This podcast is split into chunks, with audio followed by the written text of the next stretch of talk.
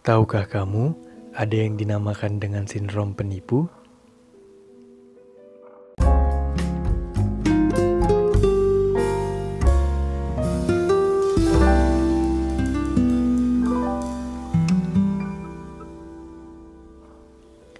Well, hello everyone. Welcome back to Rain Sweet Podcast, Talk to Myself. Dan kali ini kita bakalan ngebahas tentang sindrom penipu. ada yang udah dengar by the way sebelumnya tentang sindrom penipu? Kayak it's kind of something weird yang aneh gitu didengar di, di telinga ya. Coba kayak interesting juga buat dibahas. Nah uh, aku udah coba ngambil dari very well mind itu the definitions of imposter syndrome atau yang memiliki nama lain sebagai sindrom penipu memiliki definisi yaitu sebuah keadaan Gimana kita percaya bahwa diri kita tidak sekompeten seperti yang orang lain lihat. Hal ini berkaitan dengan kepintaran dan pencapaian yang telah diraih. Di sisi lain, juga berhubungan dengan perfectionism dan konteks sosial. By the way, itu ditranslate dari bahasa Inggris ke bahasa Indonesia. I try to do my best, jadi lebih ngerti atau mungkin dengan kata-kata yang lebih sederhana, Sindrom penipu ini berarti bahwa kita merasa kalau diri kita itu sedang menipu orang-orang lain dengan semua pencapaian yang sudah kita dapat karena kita nganggap itu semua berasal dari faktor keberuntungan dan bukan karena hasil kerja keras kita. Nah, perlu diketahui juga kalau sindrom penipu ini bukanlah sebuah gangguan mental berdasarkan Diagnostic and Statistical Manual of Mental Disorder hanya saja, ini terjadi secara tidak biasa. So, kita nggak bisa juga menyatakan kalau kita mengalami mental disorder hanya gara-gara kita memiliki sindrom penipu. Karena semua orang pasti pernah mengalami yang namanya sindrom penipu, walaupun hanya sekali dalam hidupnya. Nah, jadi di sini kan tadi dibilang bahwa kamu merasa semua yang sudah kamu dapatkan itu hanyalah berdasarkan keberuntungan semata dan bukan karena hasil kerja kerasmu. Bukan berarti kamu nggak memberikan effort atau usaha sama sekali, tapi malah kamu bekerja 2-3 kali lebih keras dari orang-orang biasanya. Hal ini dilakukan hanya untuk memastikan dirimu bahwa di saat nanti kamu mendapatkan achievement, orang lain tak akan berpikir bahwa semuanya yang didapatkan karena kecurangan. Uh, do you get what I mean? Atau oke okay, aku kasih uh, contohnya kali ya. Misalnya gini deh di minggu depan akan ada pengumuman yang menyatakan bahwa dirimu akan menjabat posisi yang lebih tinggi. Dan otomatis atasanmu sudah memberikan informasi ini kepada dirimu sebelumnya. Nah, oleh karena itu, agar di saat pengumuman nanti lebih sempurna, mulai dari hari ini kamu bekerja lembur terus setiap malam dan bahkan mengerjakan pekerjaan yang sebenarnya tidak diperlukan. Iya, bukan lagi karena di saat nanti pengumuman itu di, diucapkan, kamu bakalan berpikir bahwa orang lain akan setuju karena kamu udah sering lembur dan juga kerja lebih lah. Selain itu, ada beberapa faktor yang mengkontribusi sindrom penipu.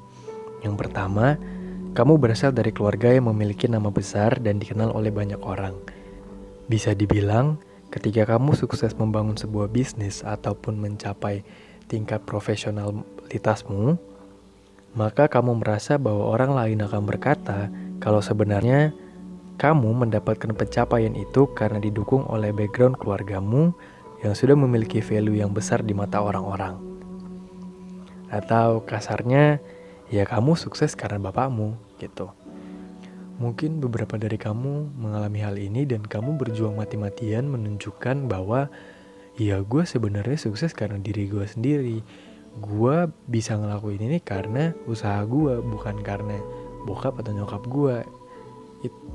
Ya anggap aja kita tuh sama sebenarnya cuma ya gue lahir di keluarga yang seperti ini dan lahir di keluarga yang seperti itu gitu overall kita nggak ada bedanya. And by the way, sebenarnya you don't have to force yourself to prove that your success is not because of your parents.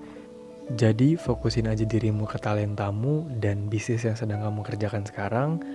And at the end orang bakalan lihat dari hasilnya kok, bakalan lihat dari buahnya kok kalau memang itu worth it dan berguna buat banyak orang, ya orang juga bakalan amazed dengan dirimu juga gitu. Nah, faktor kedua, kamu memiliki orang tua yang membuatmu kebingungan di saat mereka memberikanmu ucapan selamat atas pencapaianmu. Dan juga ketika mereka terlalu mengkritisi semua tingkah lakumu. Sifat orang tua yang terlalu keras tanpa memberi ruang kepada anak-anak untuk mengetahui apa penyebab ia tidak boleh melakukan ini dan itu, mungkin bisa memicu sindrom penipu ini. Kamu harus mengikuti semua aturan hanya karena takut dan mengikuti semua arahan orang tua. Sehingga ketika kamu mendapatkan sesuatu yang baik, kamu akan merasa bahwa dirimu tak pantas untuk mendapatkannya. Tapi di sini bukan berarti kita menyalahkan orang tua kita, karena ya mereka sebagai orang tua juga mungkin kurang bagus aja penyampaiannya. Karena kan eranya mereka dulu dengan eranya kita sekarang juga berbeda. Jadi nggak bisa. Ya sebenarnya nggak bisa disamaratakan. Cuma back again tiap orang tua punya pemikirannya masing-masing. Dan tiap anak juga punya pemikirannya masing-masing. So why don't we gather our point of view dan kemudian mendiskusikannya biar ke depannya lebih baik ya nggak kita masuk ke faktor yang ketiga. Sindrom penipu ini bisa terjadi ketika kamu masuk ke dunia yang baru dan kamu merasa tidak atau kurang capable untuk menjalaninya ke depannya. Sebagai contoh, kamu baru aja dapat pengumuman bahwa kamu lulus di universitas ternama atau diangkat menjadi seorang pemimpin di perusahaan. Tapi perlu dicatat ya teman-teman, hal ini benar-benar terjadi bukan hanya agar kamu dibilang merendah untuk meninggi.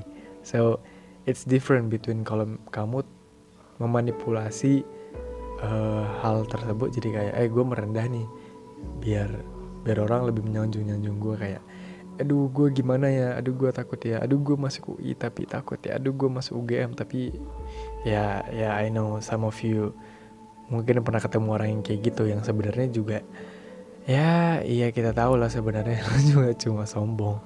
But anyway ini yang bener-bener dialamin lebih ke diri sendiri gitu. Jadi nggak nggak terlalu maksudnya bukan yang digembar-gemborkan sampai sebagaimana ke orang-orang.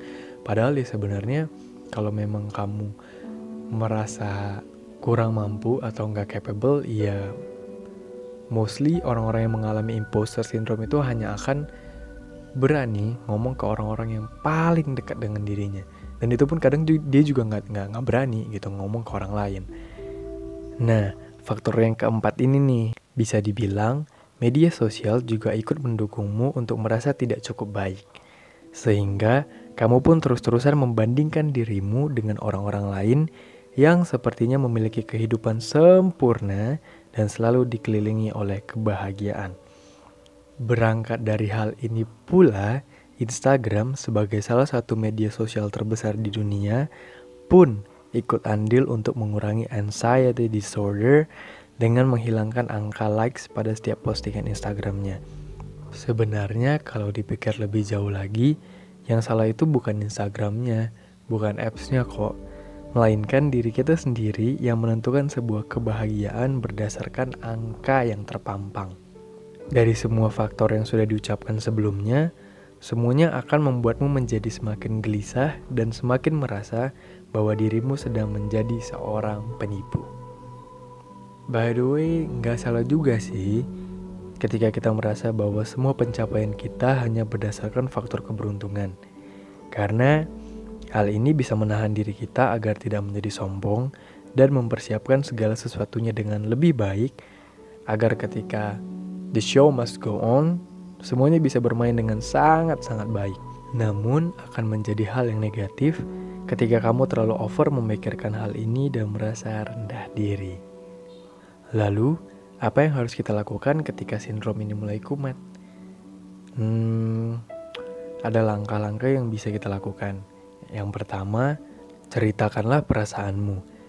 Ketika kamu merasakan sesuatu terjadi secara abnormal, maka hal yang bisa kamu lakukan adalah dengan menceritakan apa yang dirasakan kepada orang yang kamu percaya.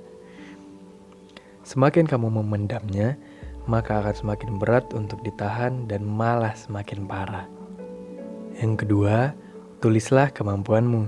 Kalau kamu merasakan gagal ketika menghadapi pencapaian ke depannya, membaca tulisan mengenai semua pencapaian yang telah kamu raih bisa membantu. Sesaat setelah mendapatkan sebuah achievement ataupun sebuah pencapaian ataupun mungkin kamu dapat sebuah juara ataupun sebuah kebahagiaan, tulislah hal-hal tersebut di dalam sebuah buku agenda.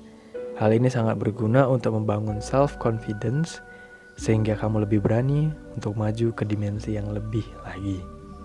Yang ketiga, sadarlah bahwa kita hanya manusia yang tak luput dari kesalahan. Kita bukan manusia yang sempurna dan bisa menyelesaikan semuanya dengan sangat-sangat baik. Tak masalah jika kamu melangkah sedikit demi sedikit, tapi pasti daripada tidak melangkah sama sekali hanya karena ketakutan yang menghantui.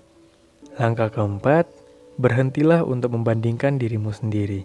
Semakin kamu membandingkan apa yang kamu miliki dengan apa yang orang lain punya, hanya akan semakin memaksa otakmu bahwa kamu bukanlah siapa-siapa. Sebagai gantinya, ketika melihat sesuatu yang lebih daripadamu, bertekadlah untuk belajar lebih lagi. Dan langkah keempat ini dapat diterapkan di saat kamu sudah over menggunakan sosial media. Hmm, banyak juga dari kita yang mengakui bahwa sosial media memang menciptakan untuk saling pamer dan menunjukkan kelebihan apa yang dimiliki. Namun, bukankah lebih baik ketika kita saling berbagi kebahagiaan secara genuine tanpa perlu takut dengan feedback yang segera datang? Yang kelima, janganlah berkutat dengan pemikiranmu yang terlalu sempit. Berikan waktu sejenak bagi dirimu untuk menyadari bahwa sebenarnya kamu berharga. So, thank you for your time and listen to these little things. I'm Rain from Rain's Fit Podcast. Talk to myself. Would like to say goodbye. See you.